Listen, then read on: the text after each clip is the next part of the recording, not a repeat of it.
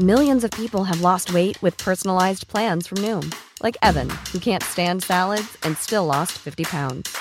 Salads, generally, for most people, are the easy button, right?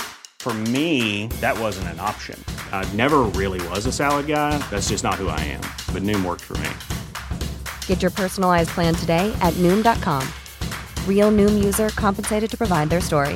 In four weeks, the typical Noom user can expect to lose one to two pounds per week. Individual results may vary. Den där...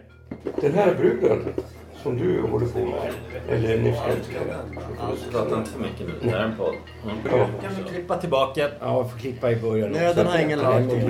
Avbryt Välkomna till ett nytt avsnitt av podcasten Cyril och Stig i otakt med samtiden. Podcasten produceras av Storyhood. Dagens gäst är författaren, historikern, journalisten Åsa Linderborg. Åsa disputerade 2001 på en avhandling vid Uppsala universitet om Socialdemokraternas historia.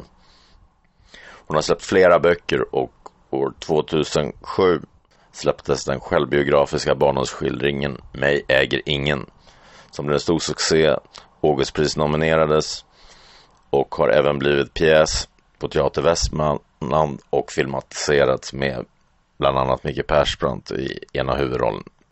Under åren 2009 till 2019 var hon kulturchef på Aftonbladet. Idag är hon senior reporter på samma tidning. Hon är också krönikör i eh, danska Dagbladet Information och norska Klasskampen.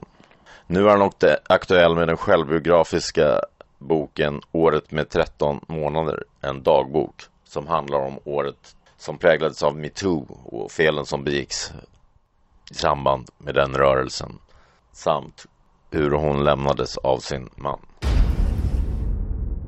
Välkommen till Åsa Lindborg som är här för andra gången. Här Ja, det är här. faktiskt ovanligt med... med nej, det är väl bara... Lena Andersson Ja? Lena Andersson två gånger också. Ja, sen, sen eh, kurdsoldaten. Kurdsoldaten också. Ja. Ja, det är trevligt. Ja, men- Ära att få vara med. Nej, men det var ju en stor upplevelse att läsa den här boken. Med 13 månader. Ja. Det är väl det det kommer att handla om. Va? Mm. För att eh, eh, jag tog ju väldigt eh, i- illa vid mig när jag läste den. Va? Alltså jag var både tårögd och skrattade. Va? Därför att det eh, fördelen med den, det är väldigt få som skriver självbiografiskt och liksom dissar sig själv, förstår du. Och det gör att man kommer mycket närmare det än vad man gör eh, när man läser självbiografier och andra som försöker ändå upprätthålla någon form av fasad. Ja.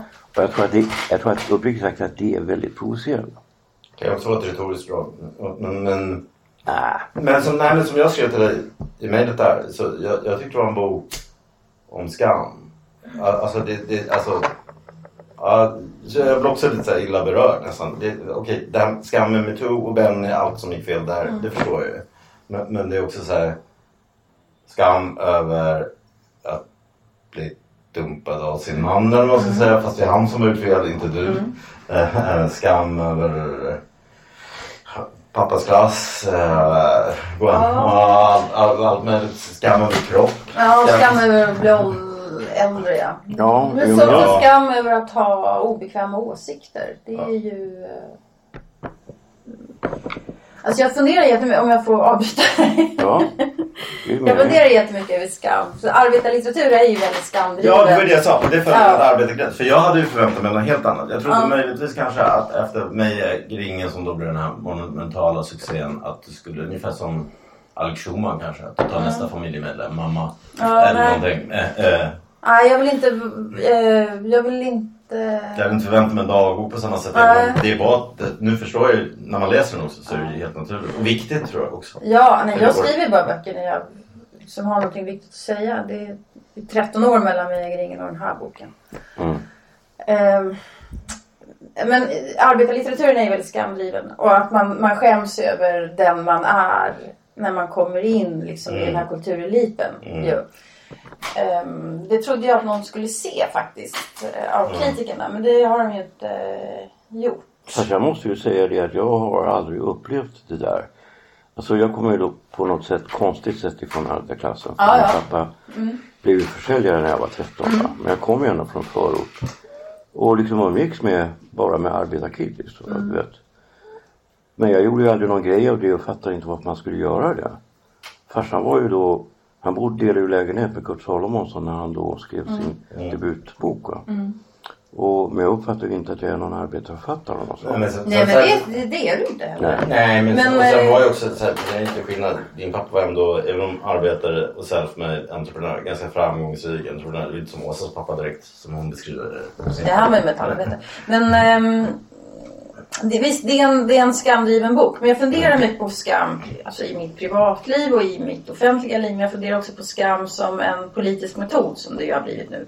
Ehm, man tänker eh, det här no platforming eller trygga Ja, skambelägga. Man skambelägger någon. Du är så obehaglig med dina åsikter så du får inte vara med här. Och den som drabbas av det blir ju arg och ledsen men framförallt så skäms man. Man skäms över att man ska exkluderas ut ur offentligheten eller ur den här gemenskapen. Det kan jag lova. Ja, Alltså vi har ju Eh, blivit drabbade av det när, när Ja. Mia Skäring och de drog igång ett drev mot Stig. För när var det här?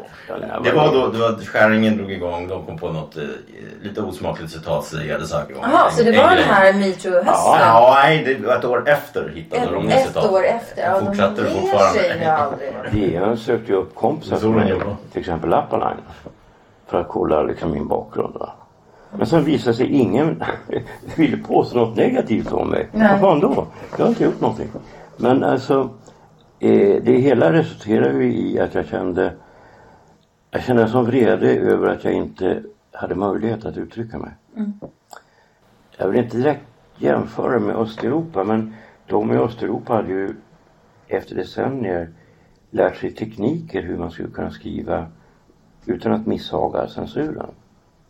Den kunskapen, den kompetensen har inte vi i Sverige. Så jag känner ju då att jag inte kan skriva alls. Alltså jag kan skriva en recension av jag ska skriva en recension av två deckare nu. Det är okej liksom. Men att skriva om vad jag egentligen tycker så riskerar jag att jag inte får några jobb överhuvudtaget. Fast då, nu har det ändå vänt lite. Det är det som... Ja, men jag menar alltså. Ja, jag tror, det har, jag tror det har vänt nu faktiskt. Jag tycker jag ser fler och fler sprickor. Vi går tillbaka till boken nu. Det är väl det boken handlar om framförallt också. Eller hur? Ja. Kritiken av det året. Jag tror att det finns en sak som inte du har tänkt på som kan ha irriterat många kvinnor. Mm, det är mycket som har irriterat Ja. många kvinnor kan säga. Bland annat att jag umgås med män. Nej, Det- nej. det är Den kommer vi till senare. Den kommer Ja. senare. Ja, men Men det, är det här alltså. Du ser ju uppriktigt sagt så pass bra ut. Ja, det är inte så jag uppfattar det Nej, faktiskt. men, Men tack ska även, du ha. även om du uppfattar det så, så ser ju då kvinnor som inte ser lika bra ut. De blir så fruktansvärt upprörda över att du ska beklaga det är- dig. Ja, men det är väldigt vackra kvinnor som är arga på, på min åldersnoja också. Ja men alltså det finns ju det här med åldersnojan hos kvinnor är ju en realitet. Den är definitivt en realitet. Det är, det är någonting som händer med en när man märker att den sexuella attraktionskraften liksom, ja att man doftar ur som det här väldigt precis. vackra ryska ordspråket säger. Jag, jag doftar ur. Det är som, som fin omskrivning liksom för att man blir äldre. Det är någonting som händer med ens självförtroende. det är, så är det ju också för män. Men, Ja, ja. men i en annan utsträckning va? Ja, men... eh, Han kommer kanske tio år senare. Men jag tycker Ulf Lundell skriver så jävla bra om det där. För det är så ovanligt att män skriver om åld- sina åldrande kropp. Mm. Och eh, avtagen libido och alltihopa. Men han gör det. Han gör det jätte, jättefint. Den här kul, kulmagen Mm. och att han längtar efter hud mer än sex och Mm. alltihopa. Det är fan enastående. Men vi återgår går till bo- boken. Vad, vad, Ja. ja, vad, vad, eh, som jag sa, det här med skam. Ja. Och, ja, och, Ja, men sen, sen är det ju en sak som slår mig när jag då läser den. Det är ju att P säger den kanske mest sanna saken. Nämligen att, men vänta lite grann. Alltså om hon ska spela Julia kan hon ju inte vara höggravid. Eh, och det, det, det påstås ju då att han inte skulle ha tvingat henne till abort. något Det är klart han inte har tvingat henne. Nej. Vi pratar om Benny Fredriksson nu Ja. enkelt. Mm. Men det är naturligtvis så att han borde ha sagt att du kan inte spela Julia om du är höggravid. Ja men det, men det kanske var det han sa. Alltså, Mm. Vad gör, vad gör Och vad är det för, vad är det, vad- vad är det för fel med det? Mm. Nej, nej, nej, nej, nej, nej. Men alltså... ehm, Nej, jag tycker, Ja. jag får bara säga, ja, nu avbryter jag dig men bara innan du tar, för du behöver inte gå i. Det- det- Dit vill jag komma också för jag tycker faktiskt att du har inte gjort något fel. Det, är- det, är- eller visst, du har gjort fel i din krönika eller vad är det du har gjort. Men Ja. någonting. Men Ja, det är journalisten som har gjort fel. Som bara använder en öppen källa där det också går rykten om att den har haft en relation med den. Precis som den här på Bingolotto med Benny kanske. Eh, och Det där vet inte jag. Det där vet jag Nej precis, det vet man inte. Det kan man bara spek- spekulera. Men, sen, men det är ju faktiskt också chefredaktören, men framförallt den ansvariga utgivaren. Mm. Så, så, Naturligtvis, men jag måste ändå försvara den där granskningen i den meningen att det var faktiskt ja, du var ändå ett fort, chef, ett fort... Nej, det var jag inte alls. Ja. Inte alls. Inte ens det? Nej, Ja, är nej, det- nej. ja, Jag var bara kulturchef. Jag är ansvarig för min, text. så det är fint att du inte skyller ifrån dig. Nej, men jag måste ändå försvara granskningen i den meningen att det var ändå ett 40-tal källor. Mm. Och eh, vi i kulturbranschen har ju vetat, visste ju i flera Mm. år att det var problem på den där arbetsplatsen. Eh, så det kom ju inte som någon överraskning. Man hade kunnat gjort granskningen annorlunda men det betyder inte att allt som stod i den texten var fel. Nej. Och löpsedeln var ju åt helvete. Min text Mm. var åt helvete. Mm. Men, men eh, allt som står i den texten Mm. var inte fel. Och det kom ju... Benny tog livet av sig natten mot lördagen. Mm. På måndagen skulle internutredningen ha presenterats Mm. på Kulturhuset och Mm. den hemligstämplades ju. Men eh, vad jag förstår så Mm. bekräftar den mycket Mm. i artikeln. Det- inte en enda chef ställde sig upp och försvarade honom. Mm. Alltså, Jag har jag har inte en enda chef. Så att liksom, man kan inte skylla på oss att det är vi som har tagit ja. ja, honom. Det har han gjort själv. Men, men vi, vi är ganska många som bär kollektivt ansvar skulle jag säga Ja, jag- för, för hur han behandlades. Ja, jag ju, ja, men sen, alltså det som, jag vet inte, men, men det var ju det som grejen att det här handlar inte om sex utan Nej. om hur det är som chef. Och det är klart, om du har, om du varit chef över 1600 primadonner under några år så klart att, att det finns folk som är emot det. Men jag vet bara där att en kompis till mig till exempel Ja. som, som skulle köra en roll där. Men sen, Ja. fick han, sen fick han ett annat uppdrag Ja. som, som lockade mer. Mm. Så då sa han nej. Och då var han ju väldigt hård mot honom med det här är så jävla bra för din karriär. Typ, Mm. ungefär. Och, Det men, kan- men, det- då sa, då, men då svarade han bara fuck you. Så han menar, och sen kom han tillbaka och var snäll och sen jobbade de tillsammans. Så det, det, bara man behandlade honom tillbaka hårt så var det inget problem. Jag tror att Benny var en fantastisk chef för många Ja. och en sämre chef för andra. Och så är det med teaterchefer. De, man, eh, man kan inte vara eh, aim to please med alla. Ja, det går nej. inte. Ja. Eh, så, men, men faktum är att det fanns problem på den arbetsplatsen. Och eh, det visste Stockholms stad om i alla år. De skulle liksom hjälpt till att lösa det där. Mm.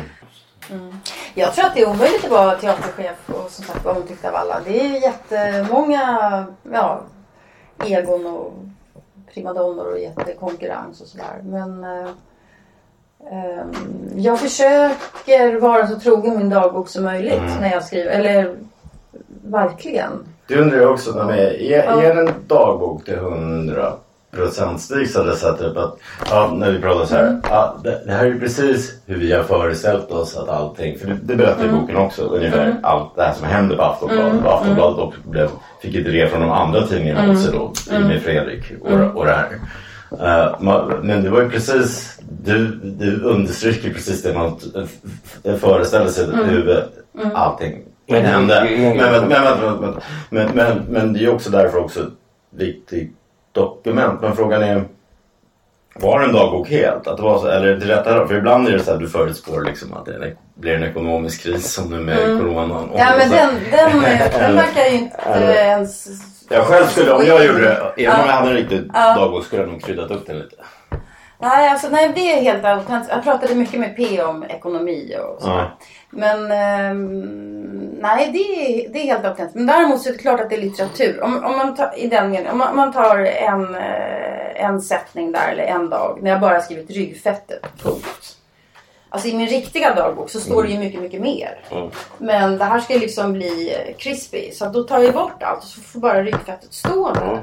Eh, när jag... Eh, eh, berättar om hur det gick till när jag köpte min Armani-kappa. Det var ju efter en lunch med dig på Ja, KB. det var långt tidigare. Ja, det var långt tidigare. Det är klart att jag inte i min riktiga dagbok det året eh, har skrivit ner exakt det där då. Det står ju i min tidigare dagbok. Ja, Men jag minns det och jag lägger in det för att läsaren ska liksom få en bra anekdot. Det är ganska kul när, så det är ganska Det är kul när du får skam för, så här, för att du handlar Filippa K för 600 För mig, så här, även om jag inte är rik, så Ja. för mig är inte det någonting. Mina vänner som är fotbollshuliganer köper en Stone Island för 12 000. Ja, ja. Min son köpte en jacka nu för 12 Inte för att jag är så rik att Nej. han har råd med 12 000 men Nej. han hade gjort ett fotomodelluppdrag så förut. Så han får ju göra vad han vill för sina pengar. Även om jag sa då nej. också jag 12 borde 000 få göra vad jag är lite mer. Ja, jag borde också göra vad jag vill med mina pengar. Men när, när eh, Lars Linder i Dagens Nyheter liksom påpekar, jag tror det var han, påpekar min lyxkonsumtion. vad fan det är. Ja. Eh, så fan, jag har aldrig bett om de här skattesänkningarna. Vad fan ska Ja. jag göra med pengarna? Ja. Jag går på krogen, jag köper mig en blus, jag köper Ja, mig en Armani-kappa. Jag beter mig som en man gör och det är ju också jävligt provocerande. Han Jag klagar inte Lars Norén när han skriver att han går och check, köper Jo, jackan han- också? de har klagat mycket Ja, på Noréns kläder. Ja. Jag kan bara konstatera att Loreen när det gäller kläder fortfarande har väldigt god smak. Oj, oj, oj. Är så snygg så. däremot när det gäller konst så Ja. har börjar hans smak fallera. Jaha, jag vet inte vad... Ja. Okej, jag längtar Ja, efter hans heller. nya... Del 4 kommer ju snart. Jag gillar ju Norén. Ja, ja. Men vad var det du sa innan eh, det här med, med när jag frågade om dagboksformen? Ja, det du frågade om det, det, det är en riktig dagbok. Jag har skrivit dagbok i en svit i 16 år. Mm, mm. Så det här bygger på min riktiga dagbok. Och det var det som Stig sa, när du sitter på en sån position som Ja. måste gör, måste du skriva nästan dagbok för att... Jag skriver dagbok på jobb. Alltså, Trygghet också. Ja, ja, ja. så- Visst, visst. Ja, jag har ju skalat bort mycket. Jag har skalat bort så jäkla mycket skvaller. Alltså Mm. för det skulle ju bli förtalsrätt. Ja, men berättar också för mig, jag vet inte om det är schysst om jag säger det, men det, jag tror att det är schysst. Under hela tiden han var sekreterare så skrev han dagbok Ja. bara av säkerhetsskäl. Ja. För att hela tiden kunna ha koll på vad han gjorde varje dag. Ja, det gjorde Erlander också. Jag menar ju att det ska ju alla chefer göra. Mm. Överhuvudtaget så är livet lite för viktigt för att man inte ska dokumentera det. Så, att, ehm, så jag har gjort det. Men det är klart att det är det är klart att det är bearbetat till litteratur. Så att, Mm. alltså, ni, eh, jag behöver ju inte berätta för mig själv hur min mamma ser Nej. ut till exempel. Nej, Jag men du gör gör det. träffande porträtt. Alltså de, av de jag känner i den. Le- Leo Oichen och Fredrik, Ja. så är det roliga träffande projekt. Ja. När du beskriver Oichen som Arne Anka, det är kul. Ja, Ja, jo, men, jo, men lite så är han ju, eller var han ju. Men, Ja. eh, jag trodde ju faktiskt då att kritikerna skulle se att, att litteratur, gå med på att litteratur är en etablerad litterär genre sedan flera hundra år tillbaka Mm. som kräver sin egen läsart. Mm. Det gjorde man ju inte utan man, man läste ju här som det var någon jävla artikel i Aftonbladet ungefär Mm. som ett debattinlägg. Mm. Om jag hade velat skriva en, de- en debattbok om metoo Benny Fredriksson, vilket jag ville egentligen. Det hade inte gått. Mm. Det, det hade inte blivit med någon trovärdighet. Mm. Och jag tänkte jag måste göra det här tvärtom. Jag måste göra det så privat som möjligt. Och då Mm. hade jag ju hela min dagbok där. Så jag utgår ifrån den. Mm. ja men, Det hade varit smart om jag hade gått in och varit liksom hade kunnat manipulera den Mm, mm. eh, för att framstå i bättre dagen. Men jag har inte gjort För det, är- ja, precis, det är ju en del som... Vänta, vänta Stig. Eh, Det är, för det är en del som har försökt insinuera då i, Ja. i recensionen Ja. att, att du gör det som ett försvarstal. Vilket jag inte tycker. Men jag, jag, Och att, eh, ja, ja, vi kommer väl in på den här osmakliga podden sen. Ja men det blir, nej, men det är ju konstigt vad jag än skriver. Det får vi få avsluta nu. Jag blir så sur bara när jag tänker på och lyssnar på den. Lunch med Montelius. Ja, vi får ta den sen. Alltså, slutet. vad jag än skulle skriva så skulle det uppfattas som ett försvarstal. Men Mm. jag har ju naturligtvis rätt att berätta min historia Mm. om det här året. Mhm. Var, varför skulle jag inte få göra det? Det är ju helt eh, absurt att inte någon i min position och som har varit med Ja. om det här och som faktiskt inte har ansvar. Alltså var Ja. börjar sluta mitt ansvar för Benny Fredrikssons död? Så- Det är ja. klart att jag måste få, få göra litteratur av det. Eh, jo, nej, men jag tror att det är ju ändå intressant den aggressivitet som har uppstått av, av din bok. Ja. Det har varit jättejobbigt. Framförallt från kvinnor. Och jag tror att det Aggressivitet finns- mot mig ska jag Ja, säga. och Mm. jag tror att det finns ett annat skäl som inte du har riktigt har tänkt på. Mm. Det verkar lite så här patroniserande att säga att du har inte tänkt på det. Nej, kör! Alltså Ja. jag tror att det är så här att de flesta känner att jag, de, jag skulle inte kunna skriva det här. Va? Och det finns en konkurrenssituation. Va? Mm. När de känner att okej, Hon befinner sig i ett väldigt taskigt läge och så kan hon skriva en bok om det där hon på något sätt utan att skydda sig ändå beskriver det. Jag som också i och för sig befinner mig i ett taskigt läge, för det gör ju de andra tidningarna också. Skulle inte kunna göra det. Och då kommer den här konkurrenssituationen in igen. Nu kommer vi in på den här podden. För, för att jag till exempel, jag, jag släppte en diktsamling om en månad om ett eh, den heter Alkoholbitar om ett förlorat barn med mitt ex. Men det, det, då, det blev som klyschan att även relationen gick isär. Och då, den enda man som fick läsa korv, den går till tryck idag faktiskt. Ja, den, enda man som fick, den enda man som fick läsa den var Stig, sist av alla. Innan lät jag kvinnor läsa den. Också så att det inte också på något skulle om relationen. För då, eller det var nog undermedvetet. Jag lät, jag lät eh, Anna Sa- Sanvaresa Jörgensdotter för att jag tycker hon är en av de bästa författarna efter Stig som jag känner. Eh, Tova Mossad som jag jobbar, ska jobba med lite. Johanna Ryttel som är en av de kvinnor som står mig närmast som vän. Och Amanda Ohm som har hjälpt eh, mäns, m- människor jag Ryan Reynolds here from Mint Mobile. With the price of just about everything going up during inflation, we thought we'd bring our prices down. So to help us, we brought in a reverse auctioneer, which is apparently a thing. Mint Mobile unlimited premium wireless. Ready to get 30, 30, bit to get 30, bit to get 20, 20, 20, bit to get 20, 20, bit to get 15, 15, 15, 15 just 15 bucks a month. So, Give it a try at mintmobile.com slash switch. $45 upfront for three months plus taxes and fees. Promo rate for new customers for limited time. Unlimited more than 40 gigabytes per month. Slows. Full terms at mintmobile.com. Millions of people have lost weight with personalized plans from Noom, like Evan, who can't stand salads and still lost 50 pounds. Salads, generally, for most people, are the easy button, right? For me, that wasn't an option. I never really was a salad guy. That's just not who I am. But Noom worked for me. Get your personalized plan today at Noom.com.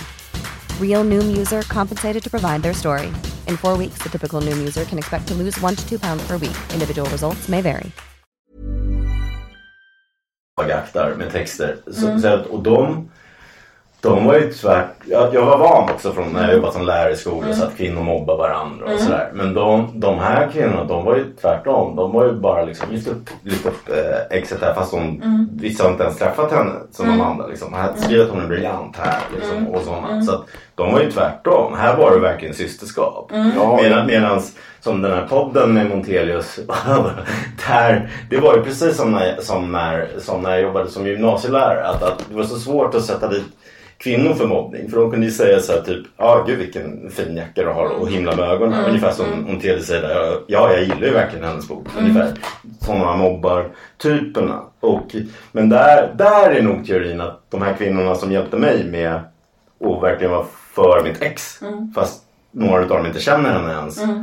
Eh, var är ju alla attraktiva och talangfulla själva. Att det kanske var därför att de har, har en självkänsla. Ja, men jag, tror, jag tror att det är fel att se att alla tjejer är för jävliga mot varandra. För så är det verkligen inte. Nej. Utan många tjejer känner ju igen sig i den här situationen. Och de här som du vände dig till, de kände väl igen sig. Det skulle kunna ha varit jag. Och då vill jag ju inte att han på något sätt förminskar mig. Va? Ja, nej men jag, alltså när jag var barn så var tjejer var väldigt elaka. Eh, var min erfarenhet mot mig då. För att jag var så annorlunda och min pappa luktade piss och han var alkoholist och mamma var kommunist och jag läste böcker och jag var smutsig. Och det var så Rödhårig. Rödhårig, smutsig och så här. Så jag var väldigt annorlunda och eh, killarna gillade mig, tjejerna gjorde det inte. Och sen i vuxen ålder så har jag också varit med om att det är framförallt kvinnor som är, eh, är på mig. Kanske för att de konkurrerar då. Det är möjligt. Men män är inte i närheten så elaka mot mig som kvinnor. Jag umgås ju också bäst med kvinnor. Bra, men, eller jag, umgås med, jag jobbar bara med män nästan. Stig, mm. Danne Rydell, Rickard Leo, alla möjliga. Ja. Liksom. Så, så då, får jag mitt umgänge där. För mina barndomsvänner som kanske står med hjärtat närmast. Ja. De är knegare och går upp sex på morgonen Ja. Mm. och bor i, i typ Tyresö och, och sådana. De kan inte gå ut på krogen och, och sitta, Nej, sitta naturligtvis. klockan 11 och spela fotboll. Så det är mest kvinnor jag umgås med privat. Mm. Liksom, så jag, men det män skulle ju aldrig mobba mig för att jag umgås mest med kvinnor. Nej, definitivt inte. De flesta män har ju inga kvinnliga vänner så det är fantastiskt att, eh, att du har det.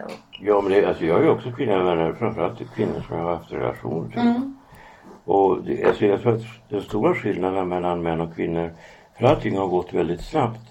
Alltså kvinnans liksom, framsteg socialt sett i, eh, överhuvudtaget va, på 30-40 år. Mm. Och eh, skillnaden mellan män och kvinnor det är ju att när det gäller män så löser man det med våld. Mm. Alltså en konflikt den toppas med våld. Så är det. Mm, det, Ja, så är det. det, är jättetråkigt. Och, Men, ja, men det är bara... ja, ja, men visst är det så. Ja. Våld löser allt, det skrev jag i Ja, min mörka ja, att, Det är det läskiga med våld faktiskt. ja, men alltså, grejen är att det gör också att man disciplinerar sig. Mhm, Men mm. uppträder inte hur jävla smutsigt som helst. Nej, det är nog en För de poäng. vet också att, Att man kan det, kan, på stryk. Ja. det Ja. kan finnas en risk att man åker på stryk. Ja, det, det Ja, Stig har hotat, och Stig har hotat att skicka. Bandidos på mig och såga av mina fingrar varje gång. Ja, det det. När män bråkar också så är de kvinnor eller pengar så du kan ju föreställa vad Men hade handlar du om. något gäng så du hade kunnat purra upp Jo, precis. Så, så han, Det så han, fel person. Ja, Ja, precis. har jag aldrig Här var det lite fel Hur hittar han person. på? Nej, du kanske var full. Eller Ja, men du var Nej, ja, men vad var det jag skulle säga? Men, men däremot, ja nu kom vi in på den här podden ändå. För att faktiskt det, det, det lägsta jag har hört i poddvärld och då lyssnar jag ändå på, på amerikanska och engelska poddar och liv, även om min franska inte är så jättebra ibland franska. Det lägsta jag har hört var först den här kringlan eller kakan eller vad det heter som skulle hugga en yxa i fittan Ja. på dig. Vad han sa. Ja. Och sen det här med Montelius och den här broderi. Och båda, och båda gånger är du som är objektet för, Mm. Ja, men för det här väldigt Så då är det något som att du inbjuder kanske till mobbing eller någonting. Ja, så är det väl. Jag skulle bara vilja veta vad det är som... Eh... Men Jag tror också att det har att göra med att jag är kvinna. Man skulle inte hålla på så här med mig om jag var man. Nej, det är sant. Det, Det är sant. det är faktiskt så. Mm. Och, eh, men jag tycker också att det är intressant att det är kvinnor i första hand som håller på. Men Jag har inte lyssnat på den här podden Lunch med Montelius. Inte senaste avsnittet heller där de är på mig igen. Ja, men, Ja, Eh, men jag lyssnade bara en kvart. Jag klarar inte av det för att jag, jag blir liksom Nej, ledsen på riktigt. Jag blir Ja. helt nednött ja. faktiskt. De går till och med på din sexgrej. Alltså, liv liksom går de på. Liksom. Så Det det, för mig var det för lågt. Alltså. Det var under Det alla slag under bältet. Det- Är det spermierna i? Ja, precis. Men det är så lustigt att de där äh, feministerna äh, kan irritera sig på att en kvinna som närmar sig 50 skriver om spermier i duschen. Det är, det är fan förbluffande tycker jag. Och jag tycker också det är lite konstigt att de inte har litteraturtentaklerna ut och ser att det är att jag är inspirerad av eh, Dotter till en dotter från 1978 av Ingrid Alvén där. Eh, När jag duschar när Amanda är väldigt liten eh, så är där vid syrenhäcken med mamma så är ju det Kvinnor i äppelträd, Moa Martinsson. Så jag har ju liksom mina Ja. referenser ute men det är ingen som har sett det. Men det spelar ingen roll, man, man behöver inte läsa samma böcker som jag läser naturligtvis. Men, Nej, men jag tycker det är konstigt att man kan irritera sig över spermier i duschen. Ja, Eh, nej men alltså när du nämner Ingrid Löfven, för jag Ja. träffade henne 79 gick som ja, ja. Och jag hade väl ingen tanke direkt om att läsa henne, men sen gjorde jag det och hon är ju faktiskt riktigt bra. Den boken är fantastisk. Ja, alltså även här Lukaku-lapparnas liv. Ja, den är också jätte, och jättebra. SU Glädjen. Ja, Fast- sen, Ja. ja. Nej, men den boken inspirerade Fast mig. just med de två, nu kommer vi in på den här podden redan. Just med de två så, så är det nog också mobbingtendensen där. För att de, de gick ju också, tycker jag, eller Montelius gick för hårt på den här unga killen Elis Brå, poeten som, man kan ju tycka vad man vill. Jag har själv svårt för poeter som är posörer och, och, och jag tycker väl också att han är ganska ojämn, att han gjort bra saker. Och, Är det här ett annat avsnitt? Ja, det är, det är, eller om det var en recension. Det var ett krig, Aha, ett okej, krig jag på sociala medier däremellan. Men, Nej, men, inte så. men i alla fall så, så det är väl som Stig säger att han är ojämn och själv avskyr också ironi som han gör mycket. Mm. Liksom. Han kommer från en helt annan skola där som poet. Men han släpper en roman då tydligen som jag inte läst och den kan ju inte uttala mig om. Just Mm. därför. Men vad jag förstår så har han gjort det här lite experimentella. Han har haft inspiratörer som eh, Roche Perec och, och så här. Eh, James Joyce och så. Men då skriver hon i den sågningen som Montelius gör av den. Ja men jag, jag förstår att du vill göra det här Roche Perec och jag, Mm. men du har så långt att lära dig grabben. Du är ingen författare. Det tar långt att bli att. Jag skulle faktiskt Eh, även, om, även om jag själv kanske skulle tänka så när jag läste den. Så, så vet jag att jag, jag gjorde ju själv i hans ålder så med Hemingway kanske. Att jag försökte imitera för mycket. Jag skulle aldrig mot en ung, så ung kille skriva en sån sågning. Utan jag skulle försöka ändå lyfta fram det, det han gör bra. Ja, det, det håller jag med om. Jag tycker att man inte ska såga unga, väldigt unga människor. Men problemet med många av de här unga är att de fattar inte att man måste sovra. Alltså man ger ut liksom allt. Och det är dumt, framförallt när det är poesi.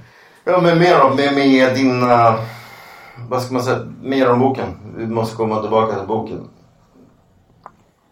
Nej men jag tycker också att det... Men det där, nej men där är ju med boken också. Med dem, de skriver det, det var ju därför Lena Andersson kom tillbaka. För henne beskrev hon då, och hon har bara en kvinnlig män, vän. Boken är full av kvinnliga vänner. Sara Stenholm, min bästa vän till exempel. Eh, eh, Och hela de här, de här fem kvinnorna som jag kallar för Fab Five. Eller de Ja, fyra ja. och vi är fem tillsammans.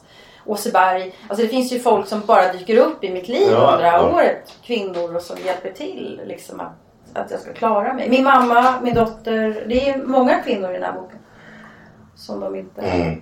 Ja, Nina Björk som jag Mm. visserligen är på väg att slå Mm. ner då. Men... Mm.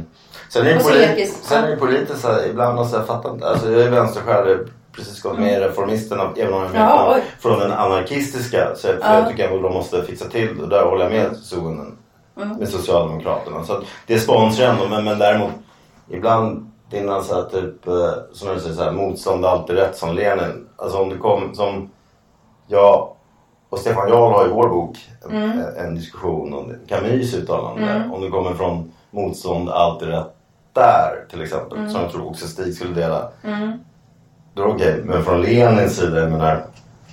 Hade Kerensky fått ha kvar sin makt i duman. Hade, då, Sovjet hade sluppit eh, Men det här, 40 finns utländska. det här har väl ingenting med min bok att göra? Nej, men du skrev som Lenin säger, motstånd är alltid rätt. Wow, heja Lenin ungefär. Så är det där. Nej men alltså, man, alltså det är så- Ja, det stod, det stod Ja, någonstans. men alltså- ja, hajade till. Som, Nej, som Pu- Putin gillar inte Lenin därför att Lenin säger att det är rätt att göra motstånd. Mm. Det Ja, är Så det jag har misstolkat. Det är det jag skriver. Ja, som, gammal leninist, nu var det länge sedan jag var med i herrarna. Jag gick ur i mars 1973. Mm. Så eftersom jag inte trodde på att det skulle bli en revolution, Ja, det var av det. politiska skäl. Så måste man väl säga det att det är fel, väldigt fel att döma människor i efterhand för saker som de överhuvudtaget aldrig skulle kunna tänka sig att förutse. Mm. Istället så bör man ju göra, vilket ingen gör, att fråga sig varför blev det som det blev när muren föll? Mm. När Palme dog och tre år senare föll muren. Mm. Jag misstänker att de har med varandra att göra. Och vad hände då? Det som är det stora felet med vänstern är att man inte frågar sig varför funkar det inte? Det håller jag helt med om. Jag håller helt med om det. Visst. Det, det är vänsterns stora problem. Att man är rädd för att ställa den här varför-frågan. Men vänster måste ju ställa eh, ett motstånd. För som du, det, nu kommer vi tillbaka till boken. För, för som du skriver så att under metoo så beter de sig som eh, ny, eh, de här liberalerna beter sig som de, det de föraktar hos Robespierre och, och Lenin. Beter sig de plötsligt. Eh, och Liberalerna har ju precis, de har ju ännu större problem eh, än vänstern. Att, att så här, typ, efter muren föll, då kom Liberalerna och Nyliberalerna. Och det fanns inga lösningar eh, som de kunde komma med. Det blir tvärtom värre för många grupper, särskilt arbetarna.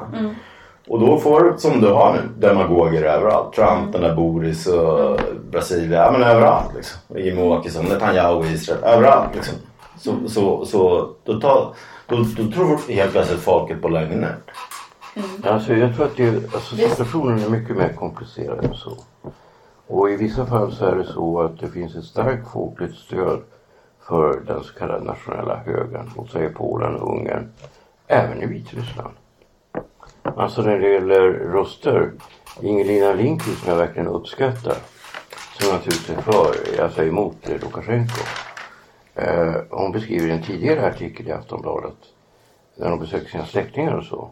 Kärleken till Lukasjenko. Mm. Alltså det är lite komplicerat. Det är på samma sätt som jag har en vän till mig som bor på Lilla Östern. Som var kommunist, Moskva-kommunist i Iran. Och när de här strejkerna började på, du vet här oljestrejkerna. Va? Och det, när det spred sig till lärare på universitetet och de började kunna snacka med varandra. Så hade de ingen koll på att hur, hur stark Mujahedin var. Va? Alltså det är väldigt svårt att göra sig en överblick när du inte lever i en demokrati. Va? Då var det ungefär samma misstag man gjorde i Syrien. Och problemet med det här med hur de fattiga och de allra fattigaste och människor som lever på landsbygden, hur de tänker. De tänker så osynkat med intelligensen. Och eftersom det är på det viset så måste den så kallade intelligensen fundera över vad fan det är de håller på med. Eh, nej, men, nej, men, nej men det har väl med, det, med just det, det som jag tänker på som, jag- som, som jag väl har sagt med, med, med just det här med metoo. Att också till försvar för det mot recensionerna. Att, att alla ser det som ett försvarstal. Att du var ju faktiskt, när det pågick.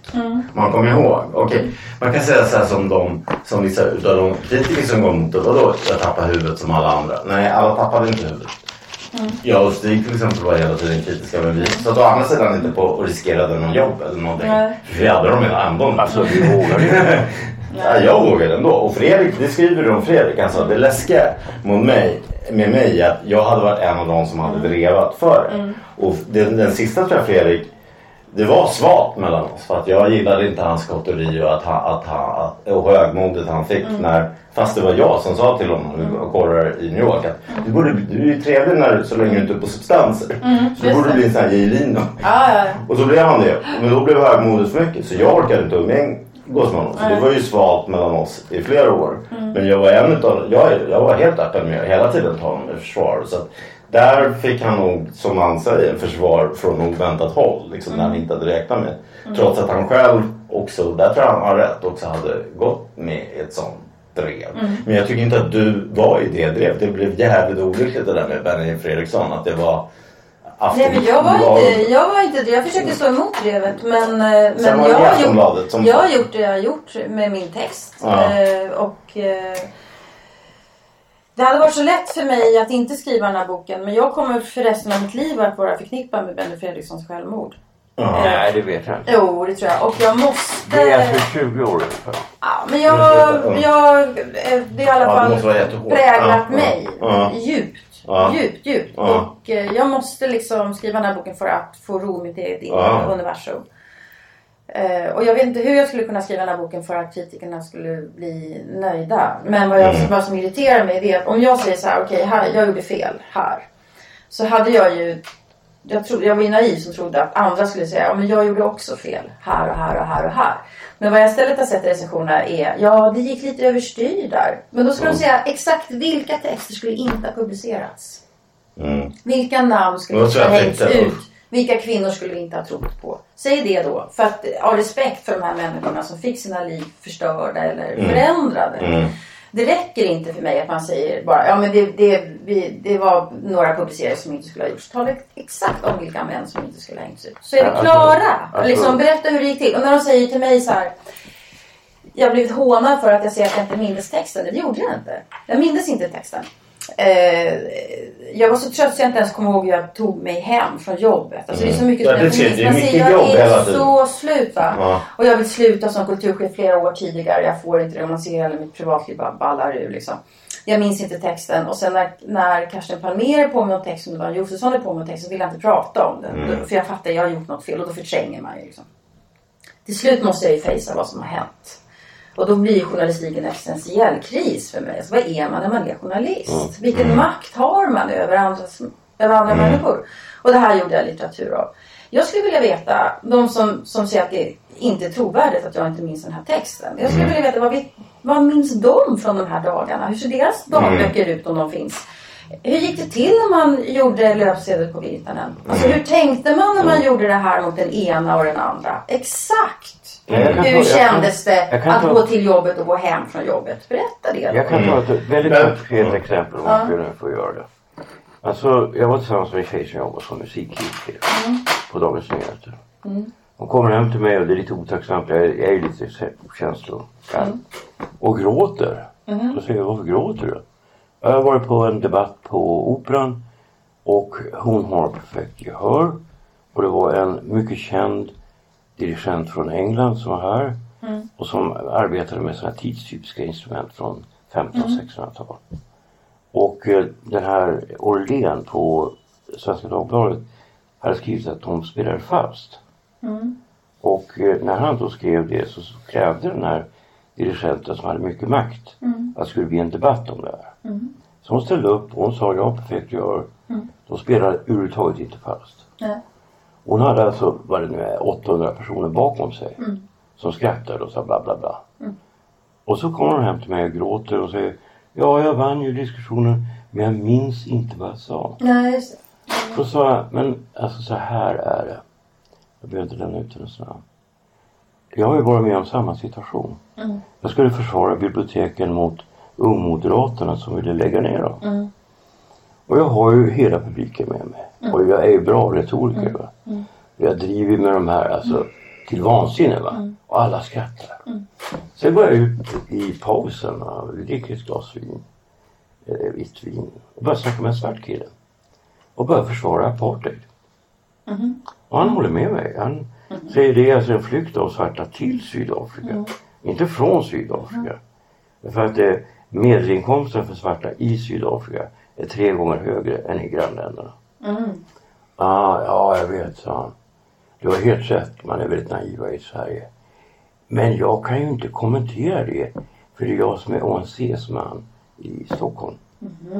Och då här, jag, nu har jag gått för långt. Alltså jag får ANC snubbe i Stockholm att gå med på Ja, du demagog verkligen Stig. Alltså, Ja, men då inser jag att jag mindes ju inte vad jag sa. Nej. För har du en publik som, som hejar på dig. Mm. Då befinner du dig i ett läge där du tappar greppet om ditt ego. Ja, Och låter andra spela in i din egen person. Det är möjligt. Men i mitt fall var det ju också, om vi går tillbaka till den där texten om Benny Fredriksson. Jag var arg på så himla mycket. Jag var arg på Aftonbladet, jag var arg på metoo, journalistiken. Och så tappade jag omdömet. Så var jag stressad och ledsen. Ja, man och kan- där, mitt i den skärningspunkt, det är livet helt enkelt. Där uppstår en text. Kulturjournalistik är ju inte vetenskap. Stötta gärna oss på Swish. Nummer 123 535 4857. Nummer 123 535 4857.